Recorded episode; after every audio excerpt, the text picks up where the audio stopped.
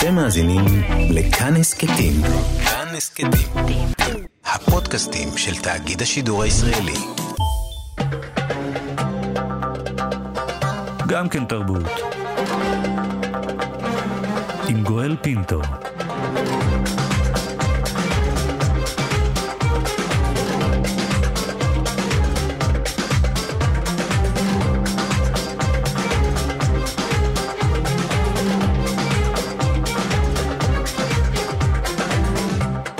שלום, תודה שבחרתם להאזין לנו. הסכת אה, גם כן תרבות, המיטב מתוך התוכנית היומית שלנו, המשודרת בכל יום ברדיו כאן תרבות, 104.9, 105.3 FM. תהנו. גם כן תרבות. עם גואל פינטו. אל הנושא הראשון שלנו לבוקר זה, ובשבילו אני צריך את הצלילים הבאים.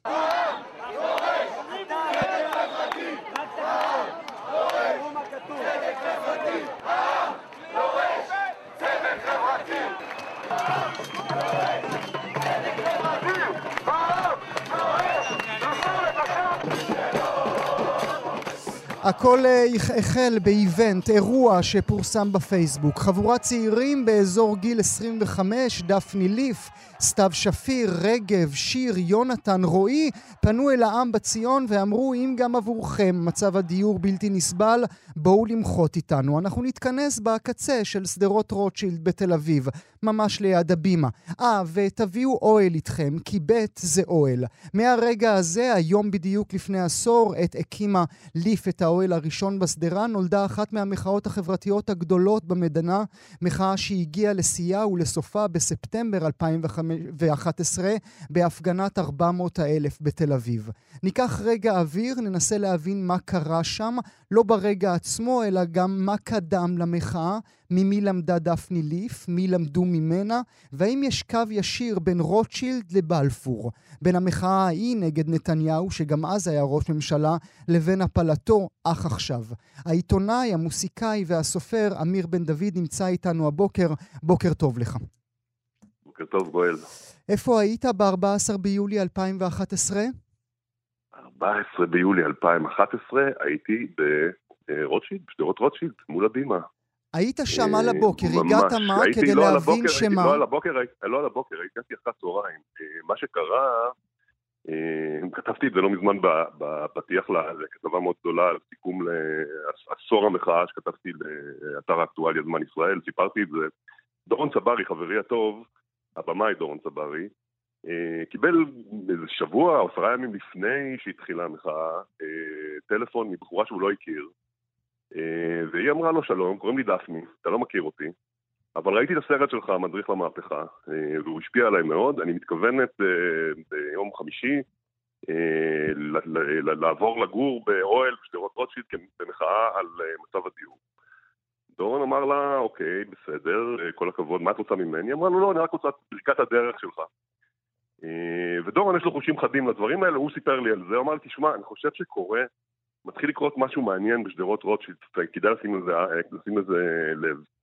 אז מה שעשיתי ב-14 ביולי, לקחתי את הבת שלי, לילה, שהיא היום חיילת אמיצה בצה"ל, ואז הייתה ילדה בת עשר, אה, ורכבנו באופניים לשם, לראות מה קורה, מה זה הסיפור הזה, והיו שם באמת, היו שם לדעתי שני אוהלים, שלושה אוהלים וקומץ של חבר'ה צעירים שככה דיברו על המצב, והיה נראה שמתחיל שם משהו מעניין, אבל באמת שאי אפשר היה לדמיין לאן זה הולך, ובעצם מאותו רגע אה, הייתי שם יום יום לאורך כל התקופה, זאת אומרת לא היה ערב שלא הייתי בשדרות רוטשילד, ועקבתי בהשתאות אה, בחלק מהזמן, באמת, נשמטה לנו הלסת מתדהמה, זה התחיל לגדול, בהתחלה זה התחיל בתור משהו מאוד קטן, זה היה מין אירוע מחאה מקומי כזה, יש שם כמה חבר'ה צעירים, ואז זה התחיל פשוט להתפרס, אני זוכר שזה התחיל, האוהלים התחילו להיבנות, ולאט לאט זה התרחב לכיוון רחוב אלנבי, ובאיזשהו שלב פשוט הוקמה שם עיר אוהלים. Mm. והיה שם אירוע...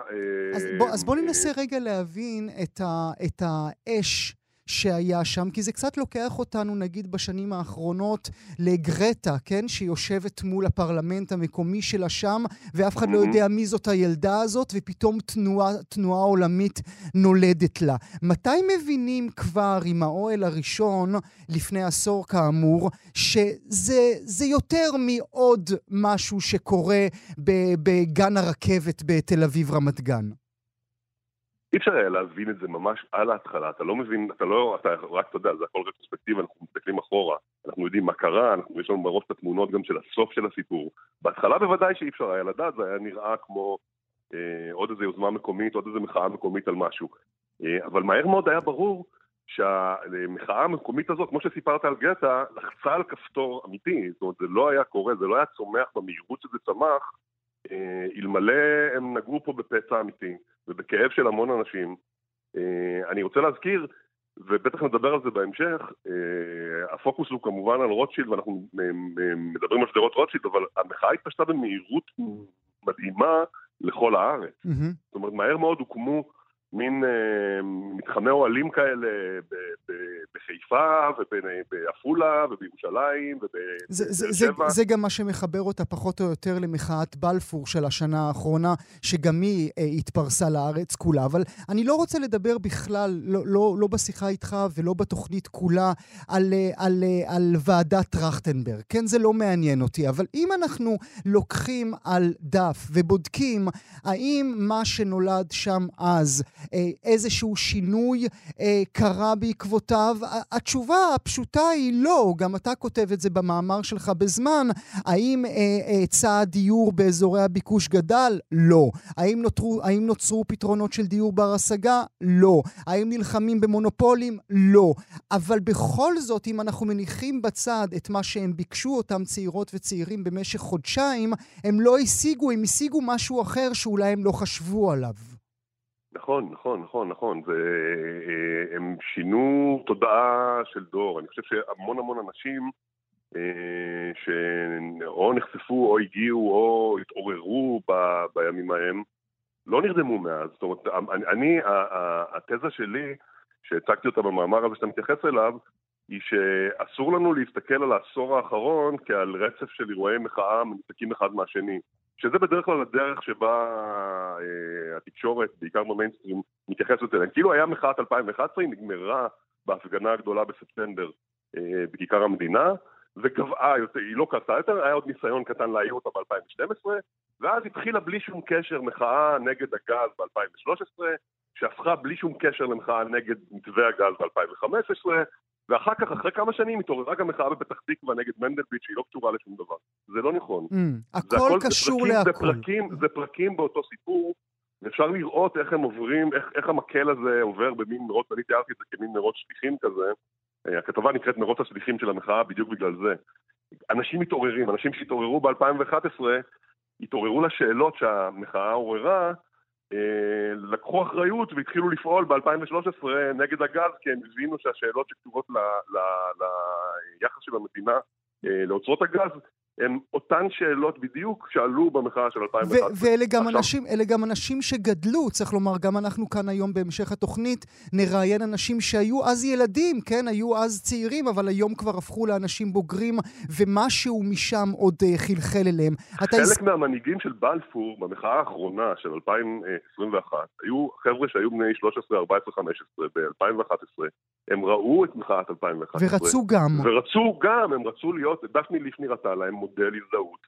והם רצו להיות דפני ליף, והם אכן נהיו דפני ליף של מחאה אחרת, אבל זאת בעצם המשך של אותו דבר. זה, זה גם מתחבר למה שאמרת קודם, אה, סיפרת לנו אה, על אותו סיפור שדפני מתקשרת לדורון צברי, צפיתי ב"המדריך למהפכה". נזכיר למאזינות ומאזינים, המדריך למהפכה בעצם היה סרט תיעודי אקטיביסטי של דורון צברי, אה, ממיטב היצירות שלו, שבעצם בחן את מצבה הלא תקין של רשות השידור. על כתפיה אנחנו משדרים כאן, בכאן כמובן. אז היא נולדה מהמדריך למהפכה. מי נולד ממנה?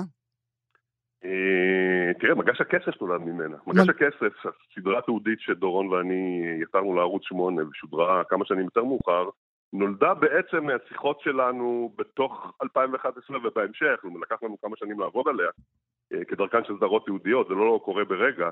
זה צריך להבשיל, אבל הנושאים של מגש הכסף, כל הנושאים של מגש הכסף, כל הדברים שמגש הכסף טיפל בהם, יצאו בעצם משאלות שהתעוררו אה, או הוצפו או קיבלו פוקוס ב-2011, גם אנחנו במידה מסוימת התעוררנו לשאלות האלה. אה, אתה יודע מה, בוא נעצור רגע ונשמע אה, ממש כמה שניות מתוך מגש הכסף. גם אני רוצה לחיות את החיים שלי בכבוד במדינה הזאת! בסופו של דבר, חברה כזאת לאט לאט מרכיבה, וחברה כזאת לא מסוגלת לקיים את עצמה. אסור לנו להרים ידיים! מאיפה יבוא השינוי? אתם תביאו את השינוי. אתם האנשים להם חיכיתם. אתם האנשים להם חיכיתם, זה רולניק כמובן, כן, הכל שלו. זה גיא רולניק בסוף, בסוף הפרק הראשון. המשפט הזה, אתם האנשים להם חיכינו, אנחנו האנשים להם חיכינו, הופיע על עשרות שלטים וחולצות במחאת בלפור, ראיתי את זה בהמון מקומות, זה הפך להיות מין סיסמה כזאת שראית אותה כמעט בכל מקום. איך עושים מהפכה, תגיד לי? כי אם אנחנו היום מסתכלים במצ... בפרספקטיבה של עשור, אתה כאילו מבין שזה לא דבר שקורה בבום ועכשיו, זה משהו שצריך המון המון זמן כדי לחלחל. כן, צריך אוויר וסבלנות, וגם קשה נורא לראות את הדברים. אה, לפעמים, אני חושב שאנחנו לא יכולים לראות את הדברים אה, לאשורם עכשיו, כשאנחנו מדברים. יכול להיות שצריך עוד פרספקטיבה. אני אסביר למה אני מתכוון. אתה הזכרת קודם, בצדק, את ועדת טרכטנברג ואת העובדה שבעצם העניינים הפרקטיים, נגיד נקרא לזה ככה, של המחאה, מחירי הדיור, המונופולים וכולי, אה, לא טופלו או לא טופלו מספיק או לא זה, אבל אה, אנחנו צריכים גם לזכור מה כן קרה. עצם העובדה שאתה ואני עכשיו מדברים על הנושאים האלה, אה, עצם העובדה שהשיח, הנושאים כמו ריכוזיות, כמו מתווה הגז, כמו רגולציה, הם נושאים שהם בשיח הכללי הישראלי, זה לא היה ככה פעם, צריך להזכיר את זה, צריך להזכיר גם מה היה לפני 2011.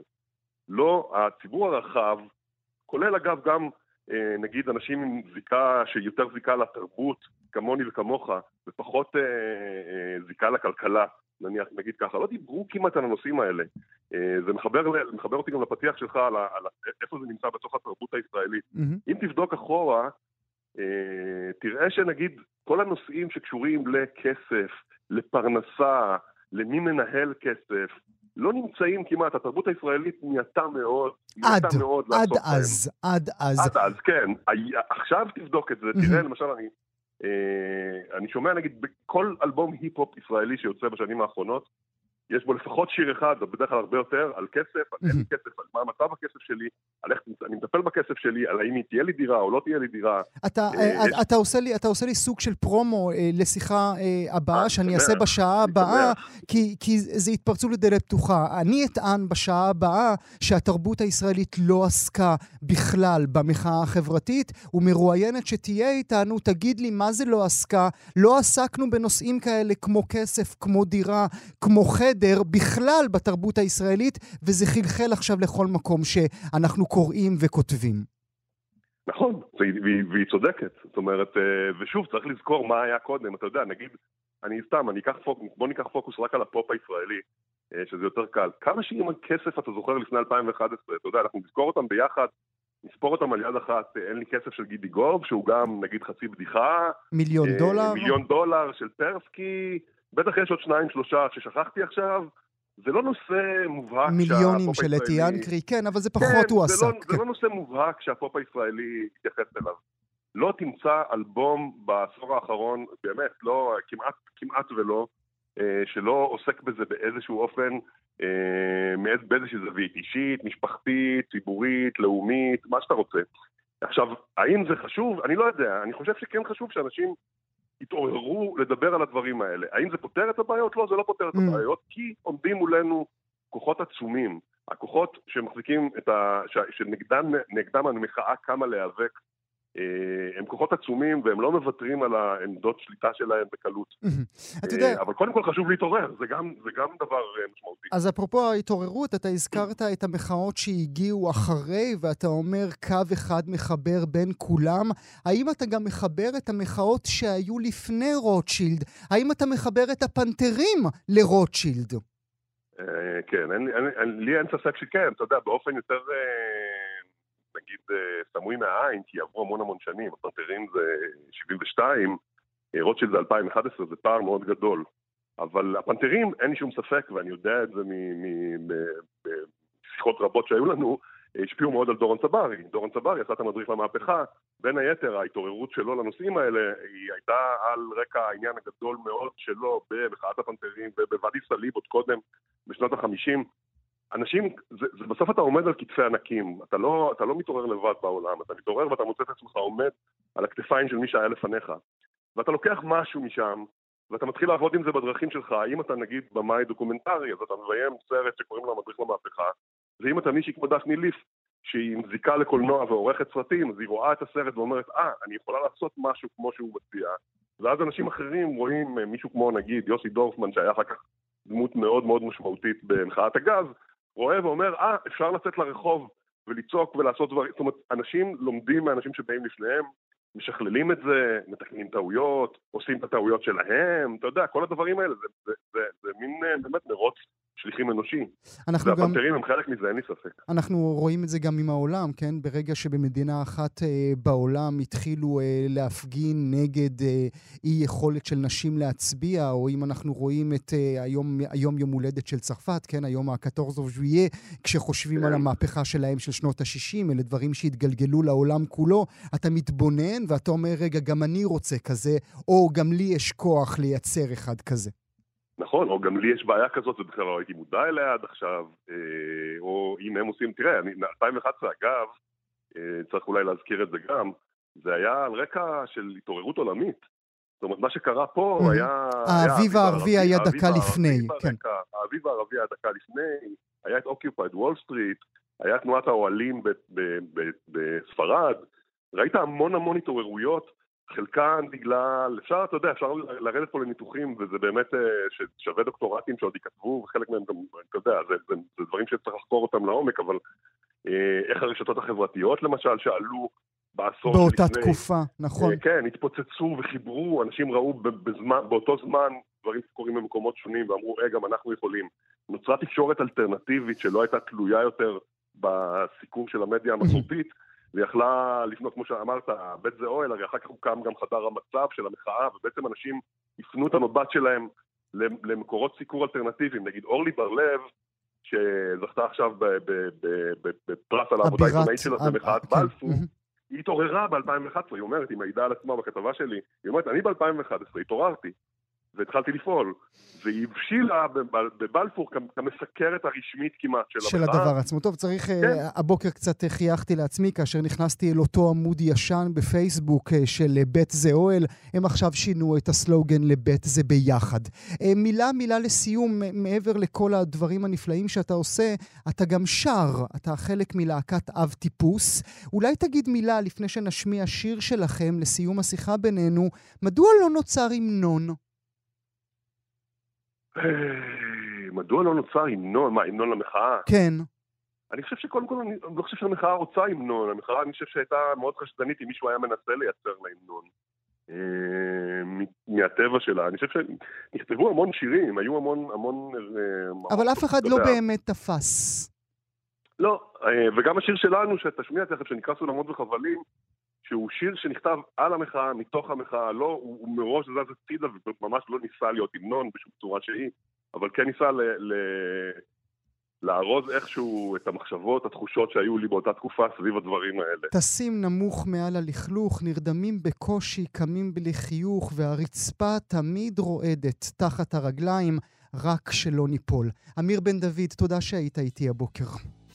גם כן תרבות, עם גואל פינטו.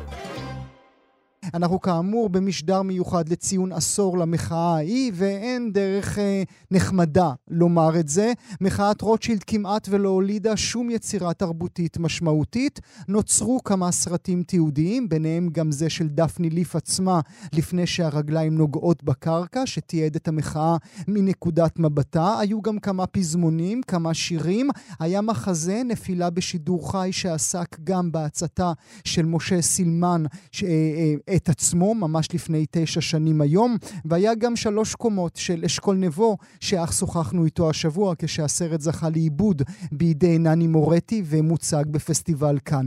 מדוע בעצם? נשאל. שלום למחזאית דפנה אנגל שאיבדה את שלוש קומות למחזה בשם הקומה השלישית. תודה שאת נמצאת איתנו הבוקר. בוקר טוב, שלום שלום. ובוקר טוב למשוררת, תהל פרוש, שלום תהל. שלום גואל. תודה שאת נמצאת איתנו גם את. בשמחה. Uh, אתן תאמרו לי שאני טועה, אבל אני בכל זאת אניח את השאלה על השולחן. דפנה, מדוע כה מעט יצירות תרבות עוסקות ברגע ההוא? Uh, זו באמת שאלה טובה. אני, uh, אני התחלתי uh, לכתוב את הקומה השלישית כמה שנים אחרי המחאה החברתית, והרגשתי אז שיש לי כן כבר, התחילה איזו התחלה של פרספקטיבה על כל מה שקרה אז. לדעתי אנשים עוד... אה, עוד מעכלים? עוד מעכלים, כן. יש איזו תחושה של עיכול, ואני חושבת שזאת לא מחאה רגילה. זאת מחאה מאוד שונה מהמחאות הקודמות ש... שמדינת ישראל אה, התרגלה אליהן, שבדרך כלל היו סביב אה, ביטחון, מלחמות, פלסטינאים, מעט מאוד, מעט מאוד מחאות הם בעצם כמו המחאה המיוחדת הזאת, והמחאה שהיא בעצם יותר, יותר מחאה אה, אירופאית, כאילו זה לא מחאה שדומה למשהו. שהישראלים מכירים. אמ, אני חושבת שאנחנו עדיין בשלבי עיכול, אנחנו גם לא יודעים אם המחאה הזאת הצליחה או לא, זאת אומרת, יש על זה, יש, זאת אומרת, הרבה אנשים אומרים שהיא לא הצליחה. Mm-hmm. אני חושבת שהיא... שהיא חלחלה, מקום, היא חלחלה. חלחלה אל... ויצרה פה משהו אחר, צ... ועשתה איזשהו ספתח לעוד מחאות דומות. בוודאי. שהלוואי שיגיעו. אה, אה, צריך לומר גם, דפנה, העולם שלך, עולם התיאטרון הישראלי, לפחות בעשור האחרון, הוא עולם שהתאהב לחלוטין אה, בז'אנר, בסוגת הדרמה המשפחתית הקטנה, וכמעט ואי אפשר להכניס מחאה עממית ענקית לתוך חדר אחד. זה ברור. אנחנו הצלחנו, אבל זה, זה, זה לא קל. זה גם משאיר בצד הרבה מאוד דברים חשובים שצופי התיאטרון כמעט ולא נחשפים אליהם. נכון. תראה, מה שאהבתי מאוד בקומה השלישית של אה, אשכול נבו, הרי זה הספר שלו, כן, הוא שלוש לשלישייה. קומות. Mm-hmm. הוא שלוש קומות. Uh, הקומה השלישית uh, זה סיפור, uh, זה הסיפור שבו התמקדנו, זה סיפור על אה, אה, שופטת שגרה בקומה השלישית ברוטשילד, זאת אומרת, זה הסיפור שלי, זה אה, אשכול, השופטת גרה בכלל באיזשהו מקום ב, כן, אנחנו נדבר עוד רגע על השינוי שלך מהספר 아, עצמו. אוקיי, כן. אוקיי. אז, אבל מה שיפה זה שבאמת יש השקה, זה הסיפורים שאני אוהבת, שיש השקה בין החברתי, הלאומי, לבין הסיפור הקטן הפרטי. ואז אפשר באמת לעוף לכל מיני מחוזות נפש וגם למחוזות חברתיים, ו, ושם נראה לי המקום, ה, ה, זה, זה השילוב מבחינתי הכי מעניין באומנות. Mm-hmm. אבל אה, באמת, אה, משום מה, זאת שאלה באמת טובה, אני לא, אני לא חשבתי עליה. אני מודה שלא חשבתי למה יש מיעוט אז בוא נש... בכתיבה. אז, אז בואי נשאל את תהל, כי היא חושבת אחרת לחלוטין. היא חושבת okay. אוקיי. שזה חלחל וזה קיים, ואומנם אין את הסצנה הענקית של עשרות אלפים עומדים בתוך אוהלים, אבל אין סוגת אומנות שלא עוסקת במחאה החברתית. נכון, תהל? אוקיי, okay, נשמח לשמוע. אני רוצה, אני רוצה באמת אה, לעשות איזו הבחנה. אה, כי באמת אה, השאלה שלך היא, או ההנחה שלך היא נכונה. אה, וזה בעצם מחשבה ש... שעברה לי בראש לא פעם. למה אין יצירות בעשר השנים האחרונות שמתעסקות באירוע החד פעמי, האזרחי הראשון בעצם באמת שקרה בישראל, אה, ונשאר כפצע מדמם וכואב לדעתי, אה, אה, ביחס לדור שלם. אה, טוב, בואי לא נשכח את הפנתרים, כן? הם היו 50 שנים לפנינו. נכון, נכון, נכון, נכון. אבל אני חושבת שבאמת יש פה משהו חד פעמי, במובן הזה הרחב של, אתה יודע, קרה שם באמת איזה, איזה דבר שלא התרחש. אפשר להגיד שהפנתרים השחורים באמת לימדו אותנו משהו ביחס לזה. זה היה בקנה מידה אחר. ואני חושבת שזה נותר כפצע פצע שעדיין כנראה אפשר להתייחס אליו בתרבות, הוא, הוא מגיע באופנים שונים אחרים. הגיע גם לפני, אגב, המחאה החברתית. זאת אומרת, אנחנו החל משנות האלפיים, ואני יכולה לדבר על זה דרך המחקר שאני עושה, המחקר הספרותי שאני עושה, על ניאו-ליברליזם בספרות עברית חדשה, אז אנחנו רואים פשוט הרבה הרבה יצירות ספרות ושירה שעוסקות בתנאי עבודה, mm-hmm. בתנאים הכלכליים, mm-hmm. וזה בשונה באמת מה... מלפני כן. מלפני, מלפני כן. Mm-hmm. אולי, במידה. אולי במידה רבה, תאל, אפשר לדמות, אלף אלפי הבדלות כמובן, את האירוע הזה שקרה לפני עשור לאירועי מלחמה. גם באירועי מלחמה ליוצרות ויוצרים לוקח הרבה מאוד זמן כדי לתת את הייצוג שלהם למה שקרה אז. אני מסכימה. אני חושבת, אה, עוד פעם, לא חשבתי על זה במונחים האלה, זאת אומרת, המטאפורה הזאת של, מלח, אה, של מלחמה, לא חשבתי עליה אה, כמובן, אני חושבת שבאמת טראומה, כלומר, אנחנו מדברים על PTSD, זאת אומרת, על באמת לייצר שפה לטראומה, זה אחד האתגרים הגדולים ביותר שיש לחברה בכלל. ויכול להיות שאנחנו באמת, אה, זאת אומרת שאפשר לעשות את האנלוגיה הזאת. אני. אה, אני מאוהב במרואיינות והמרואיינים שלי, כי תמיד יש להם משפטים נפלאים, לייצר שפה לטראומה. תחשבו רגע על המשפט הזה. דפנה, אני רוצה לחזור אלייך. אני הנחתי בתחילת המשדר שלנו שאולי האיבנט עצמו, אולי החודשיים עצמם, היו מעשה האומנות. הם היד, הם, הם היו האומנות. תראה, החודשיים עצמם היו מסעירים, מרתקים, ובאמת משהו שהוא בלתי נשכח. אני אה, זוכרת, זוכרת את עצמי מסתובבת ברחובות אה, תל אביב, בשדרות שלה, באיזשהו סוג של, כאילו, יש איזה, הייתה איזושהי תחושה של אה, מצד אחד אופוריה, מצד שני משהו חדש קורה, איזושהי מחאה.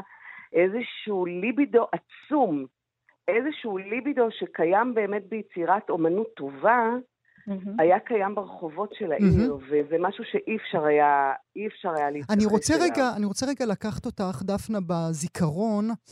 נדמה לי שגם האומנות השתנתה בעשור האחרון, כי אם אנחנו מסתכלים על שנת מחאת בלפור, שבכל רגע נתון היו שם אומנים שיצרו ברגע עצמו, במקום עצמו, יצירת אומנות, באוהלים לא היה את זה. האומנות לא הייתה חלק מהחינגה הגדולה. Uh, באוהלים לא היה את זה, אבל אני חושבת שהייתה תחושה של אומנות באוויר, של יצירה. Mm. אני לא יודעת איך, uh, כשאתה מדבר על אומנות, מבחינתי אומנות זה גם מעשה היום. לא, לא, לא, אבל, אבל גואל... לא, לא, היו, היו, מה, זה, התחיל... היו, היו ממש installations, והיו... היו נגנים, נכון, נכון, שירה נכון. ונגינה, וממש כאילו באמת פרפורמנס אמיתי. אה, פוליטי, זה היה באמת... תראה, אה, העיר, העיר נמלאה, מבחינתי העיר נמלאה באומנות. אני לדעתי המון אנשים, המון mm-hmm. אומנים הסתובבו ב, ברחוב. הייתה תחושה מסעירה. אני, אה, אני, אני לא יודעת עוד איך לתאר את התחושה הזאת, אבל אני רוצה, רוצה להציע. מסעירה. בבקשה, תהל. כן, אני רוצה להציע את המונח עושר פוליטי, עושר חברתי. אמ, אני חושבת שזו פעם ראשונה בחיי שהבנתי מה זה עושר פוליטי. אמ, זו הייתה תחושה באמת מפעימה אמ, של להיות מאושרת, וזאת הייתה תחושת התעלות mm. מפעולה פוליטית. אושר על היכולת, על האפשרות לצעוק. אני רוצה שתקראי עבורנו שיר, תאל. אוקיי, אז אני אקרא שיר קצרצר מהספר יחסי בעלות שיצא בשנה שעברה, וקוראים לו הולדת את הילד. הולדת את הילד, לילד יש חדר. איפה החדר?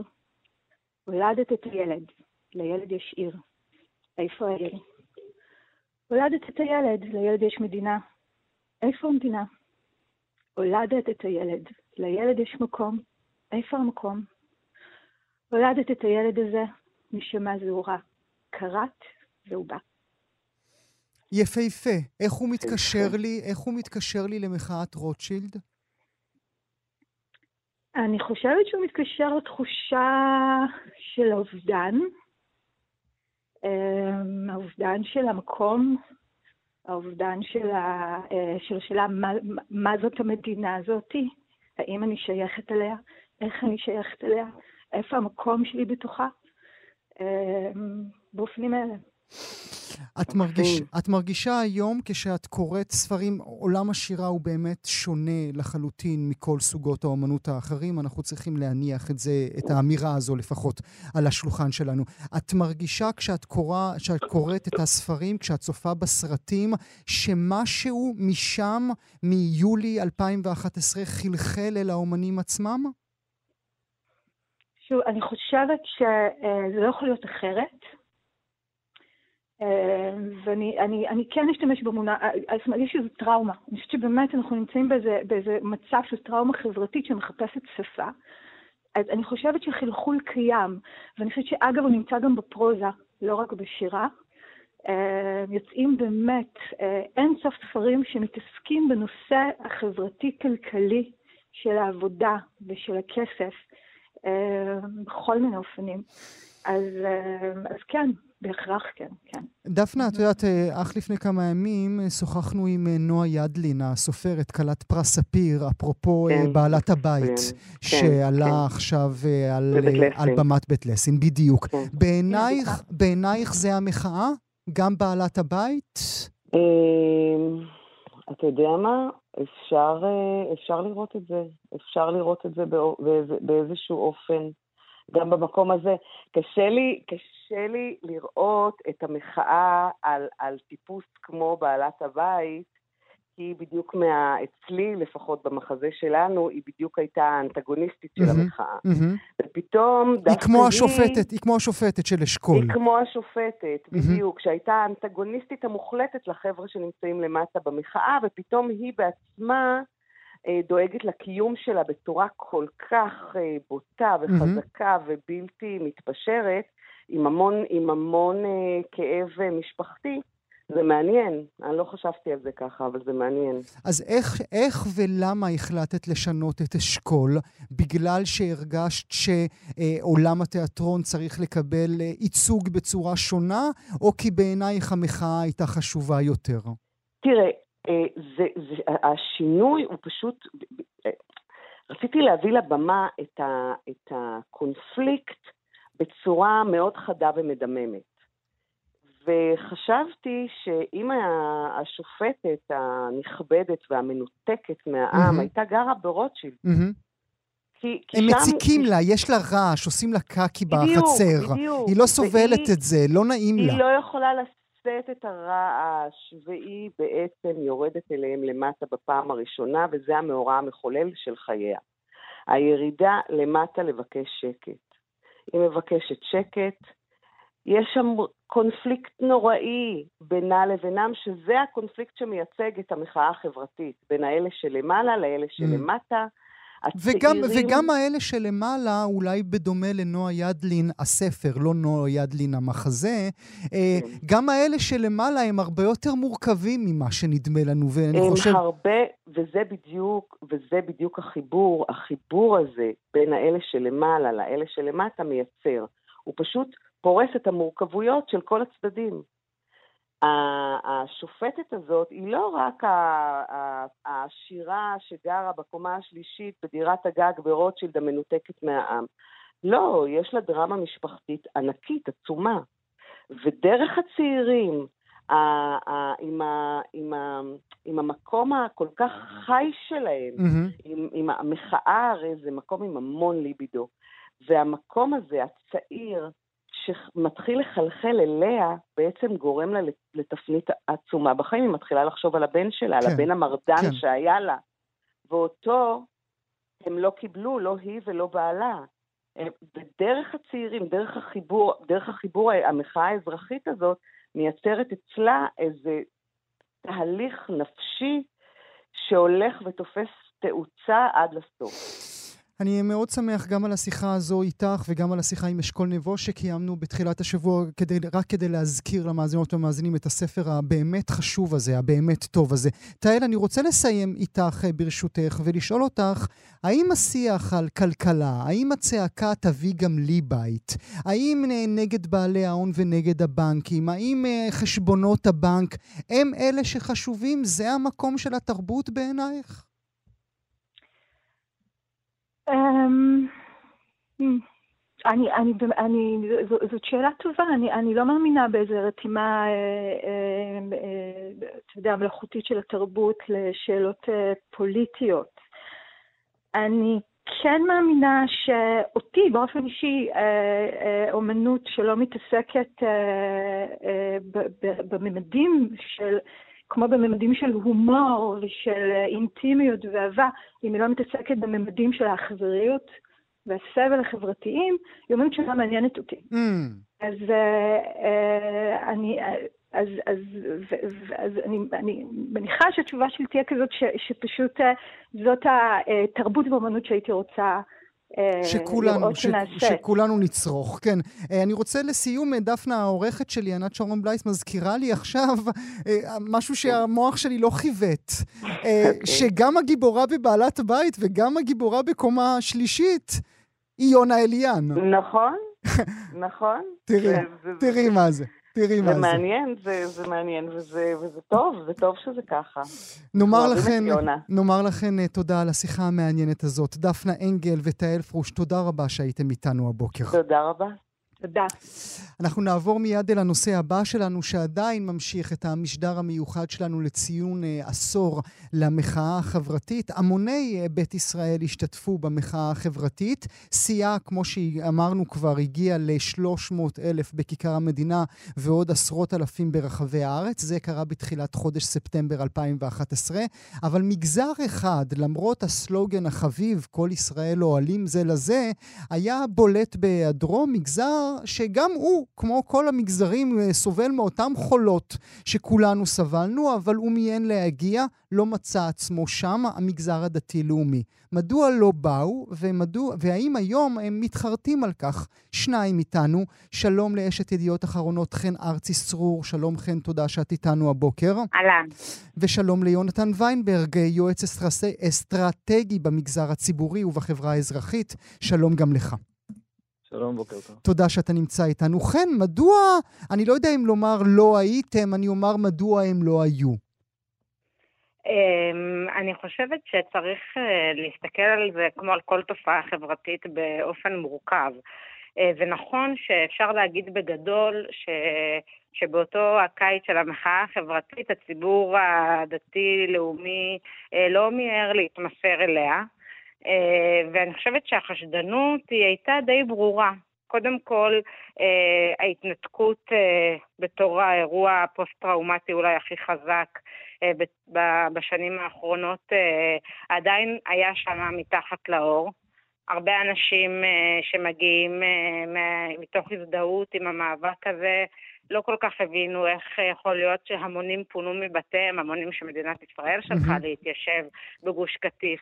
כשהם פונו מבתיהם לא הייתה... אף אחד לא בא, ועכשיו. אתם רוצים שאנחנו לא נגיע? בא. מה אתם מבלבלים נכון, לנו את המוח? נכון. כן. זה, זה גם, גם, אתה יודע, יש פה שני צירים. יש את הציר היותר אידיאולוגי, שלא לומר אה, אפילו קפיטליסטי או אולטרה קפיטליסטי, שלא הזדהה עם זה ערכית.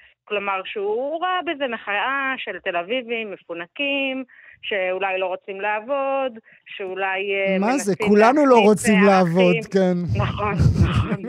שאולי רוצים להכניס ערכים פרוגרסיביים. חס וחלילה, כן, חס וחלילה. זה, זה, זה ערוץ אחד. הערוץ השני זה באמת אנשים שהדבר הזה לגמרי נגע בהם, כי הם גם היו הורים צעירים, mm-hmm. כי הם גם התקשו לשלם שכר דירה, כי הם הבינו שהם נוגעים פה בסוגיה אמיתית. אבל גם אם השכל היה שם, הלב לא היה שם. ובסוף בשביל, אתה יודע, לצאת מהבית וללכת למחאה, וצריך קודם כל אולי את הלב. מעניין. אנחנו אחר כך אה, נשאל אותך אה, אה, האם יש איזושהי חרטה, אבל עוד קודם נעבור אליך, יונתן. במידה רבה אתה מתחבר למה שחן אמרה, כי אתה אומר שבאותו קיץ של 2011, מה שעניין אותך זה ההתנתקות שקרתה כמה שנים לפני כן.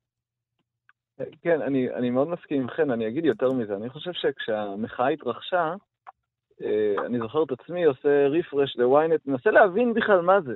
זאת אומרת, התרגלנו לשמאלנים שבעד אה, בעד אה, מדינה פלסטינית, ימסרו את ירושלים, הנה הם הרסו לנו את גוש קטיף, את צפון השומרון, יש, יש שלבים הבאים בדרך, ופתאום קורה משהו שהוא בכלל לא במערכת המושגית, הוא לא במסגרת הרעיון, לא...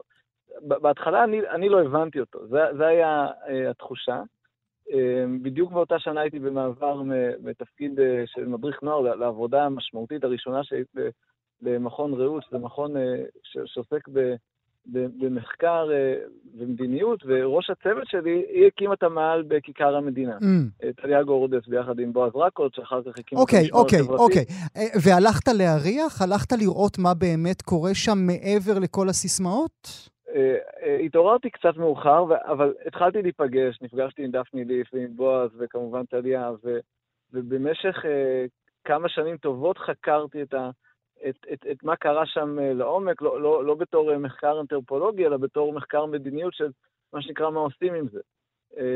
מה זה, מה, מה, מה זה החוזה החברתי שנשבר פה? מה, מה התרחש? עכשיו, עכשיו, בהקשר הציוני-דתי, זה, זה עוד הרבה יותר מעניין, כי, כי כי אם אני אומר שהחוזה החברתי אה, של, ה, של האזרח עם המדינה נשבר, ש, שהוא יעבוד והוא יתפרנס ואז הוא יקנה בית ויהיה לו, לו עתיד כלכלי, אז כשיוצאים רגע מה, מה, מהבועה התל אביבית, רואים שזה, ש, שיש חברות שבכלל אין להן חוזה חברתי, נגיד החברה החרדית או הערבית, ויש, ויש אוכלוסיות ש, שהחוזה, שמה שנשבר אצלם זה משהו אחר. זאת אומרת, ההתנתקות היא, היא לגמרי אירוע פוסט-טראומה של החוזה הציוני של הציונות הדתית שנשבר עם המדינה. ברמה החברתית, המצב של הציונות הדתית הוא, הוא נהדר. Mm. זאת אומרת, בוא נדבר רגע על דיור בציונות mm. הדתית. אה, אני כ... לא היה רע, כ... לא היה רע, לא היה על מה לא למחות. לא רק לא היה רע, לא, לא, לא, אני, אני חושב שהיום זה קצת מתהפך, ו... אבל אני, אני, אני רגע אגע בזה. אני בתור ציוני דתי, אז, אז, אז אני יכול לגור בהתנחלות, אני יכול לגור בגרעין אה, תורני בפריפריה, בגרעין תורני במרכז, סתם לגור במרכז, באיזה יישוב אה, בצפון. וזה גם, אם מבינים את זה, גם מבינים מה קרה אצל דפני ליף. כי, כי מה שהתרחש זה ש... זה נקרא לזה, אה, מפא"י הייתה תנועה מיישבת. היא, היא הבינה את העתיד של הציונות והדיור בספר. עכשיו, מתישהו זה נעצר, זה נעצר עם, עם עצירת okay. אוקיי. הקמת היישובים, ואז, ואז אה, שוק הדיור הרלוונטי לחבורה הזאת היא מגדרה עד חדרה, והשוק הזה רק מאמיר והולך. אה, ואז הם קמים בבוקר, ומהקבוצה ומה, המובילה הם מגזר, הם סקטור. מעניין. ש, שהסקטור הזה, אז... הוא צריך מענים, אבל הציונות הדתית אין לה, אין לה את הממשק הזה בכלל, היא לא... היא לא, היא לא חוותה את זה מהמקום הזה. אז, אז אולי, זו, אולי זו הבעיה, חן. אה, לא, לא הייתה בעיה למגזר. בשבילהם אה, בית זה לא אוהל, בית זה בית. אני נזהרת מלהגיד המגזר, אני יודעת שאנחנו מזהים אנשים של הציונות הדתית כמצביעי ב', כאנשים שגרים בגרעינים תורניים או בהתנחלויות. אני לא גדלתי בהתנחלות, אני גדלתי בשכונת קריית נורדו בנתניה, uh, וישנם, ישנה אוכלוסייה אדירה שהיא ציונית והיא דתית, אבל היא לא שייכת לציונות הדתית. אפשר להגיד שמה שמאפיין אותה בין היתר זה היותה מזרחית. אה, ילדים וילדות של אה, יוצאי ארצות האסלאם. אתה יודע, הם, הם מרגישים uh, הבן החורג בכל חברה, גם בציונות הדתית הקלאסית, המפד"לניקית, הבק, וגם uh, מול המאבקים uh, של רוטשילד. Mm-hmm. אני, מאוד, אני מאוד הרגשתי את זה באותו קיץ. כלומר, הלב שלי מאוד היה עם מי שגורשו מביתם, לא מתוך מקום אידיאולוגי של כן התנחלויות או לא התנחלויות, אלא מתוך זה שבאמת העיפו אנשים מהבית אחרי uh, כל כך הרבה שנים באפס אמפתיה, והחשדנות... אבל רגע, אבל, אבל זהו, נדבר רגע על החשדנות. כאילו, בתפיסה, רק תפיסה, לא צריך לשלוח לי מכתבים. בתפיסה, מי שזרקו אותך מהבית הם אלה שהתגודדו ברוטשילד? אני, זה, זה נראה לי כאילו אמירה מרחיקת לכת. אני כן הרגשתי אבל שהמחאה של רוטשילד בהרבה מובנים היא מחאה שיש בה ניכור, ואני אתן לך דוגמה, אוקיי? אני ממש זוכרת שצעדתי בתל אביב ופגשתי מישהי ששירתה איתי בצבא, היא תל אביבית, אה, נולדה בתל אביב, אנחנו היינו כמה שנים אחרי, שנתיים אחרי השירות הצבאי, והיא סיפרה לי אה, שכמובן היא באה להפגנה במוצאי שבת, ואם נתראה וברור, והיה לה איזה טקסט שלם כזה של אה, תודעת פרולטריון. ואז כשראיתי אותה אחרי שבועיים בפלורנטין, אז היא אמרה לי שהיא הולכת לבחור עריכים לדירה שאבא שלה קנה לה. היא הייתה Mm. בחורה בת Mm. 20. Mm, ואז אמרת לעצמך, נו גברת, ואתה מה את... מבין כן. שזה, בדיוק, אתה מבין ש, ש, שזה קשה. כי כאילו יש, כי, כי יש פה איזו תודעה כוזבת, ושהרבה אנשים רכבו על המחאה הזאת, אגב, שבעיניי הייתה סופר לא, אבל, אבל, אבל חן, והגעה אבל, אבל, זה מה, לא- אבל מה אנחנו אומרים רגע כאן בשיחה? שאנחנו מדברים במונחים של דימויים. הציבור הכללי חושב עליכם משהו אחד, אתם חושבים משהו אחר על התל אביבים, והקשר בין זה לבין המציאות הוא רחוק מאוד בין התפיסה נכון. שלנו, אתכם, את, או, את, שלכם אותנו, ולמציאות עצמה. אני מסכימה, ובגלל זה אני חושבת שמה שגרם אה, בסוף לי למשל כן להגיע לאחת ההפגנות הממש אחרונות שהיו אה, בכיכר המדינה, זה שפתאום הייתה ועדת טרכטנברג, ופתאום הם דיברו באופן אקטיבי על למשל חינוך חינם מגיל שלוש, אנחנו היינו הזוג צעיר, ובדיוק ככה לקראת הילדה הראשונה, ופתאום זה נראה לי משהו ספציפי, אוקיי, אני יוצאת כדי להיאבק על זה, Mm. על ערך שאני יכולה להזדהות איתו, ולא על איזה... לא על הזמבורות כאילו, וה- העם רוצה Mhm. צדק חברתי. מה זה, מה זה צדק חברתי? כאילו, למי צדק חברתי? לסבתא שלי ברמלה? לאימא שלי בקריית נורדו? למי הצדק לכולם, חן, החברתי? לכולם, לכולם. אז אני, אבל- אז אני אומרת, אבל אין אבל כזה לכולם דבר. הזה, בדיוק, אין כזה דבר. זה כאילו, זה. תמיד בא על חשבון מישהו. כוח לא עובד ככה, אז Mm. כולנו יודעים.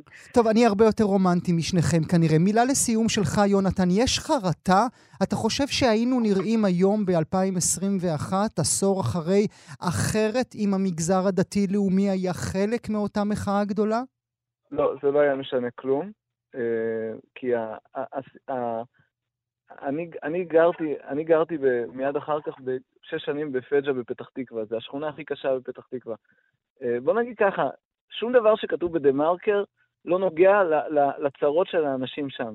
זאת אומרת, ישראל צריכה מחאה חברתית אמיתית ש, שעוסקת ב, ב, בסוגיה הכלכלית-חברתית דרך המשקפיים של הזהויות השונות, דרך הערבי שלא יכול לא ללכת לשוק אפור כדי לקבל משכנתה, דרך החרדי שחייב את מערכות הלחצים המטורפות של הפוליטיקאים שלו כדי לייצר מגורים. ואז, ואז איפה שהוא מייצר אותם הוא, הוא מפחד.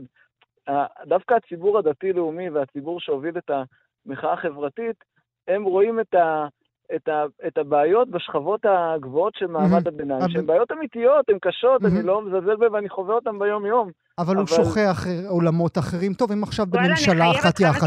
מילה אחת, חן. אחד. מילה אחת. מילה אחת.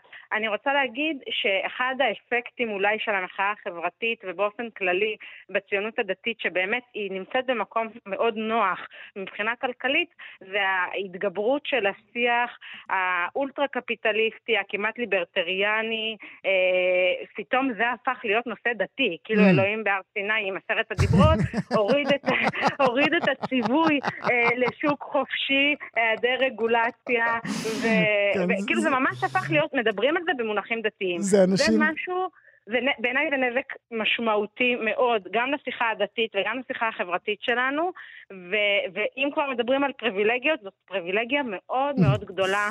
מה שבטוח אה, שזה אנשים ככה. שמזמן לא פתחו את חמישה חומשי תורה. נודה לכם על השיחה המעניינת הזאת. חן ארצי סרור ויונתן ויינברג, תודה שהייתם איתנו הבוקר. כאן הגיעה לסיומה תוכנית נוספת של גם כן תרבות. כרגיל, אנחנו שולחים אתכם לעמוד הפודקאסטים שלנו, עמוד ההסכתים, בכתובת כאן.org.il/פודקאסט. כמובן, שיהיה לכם מה להאזין. תודה שהייתם איתנו.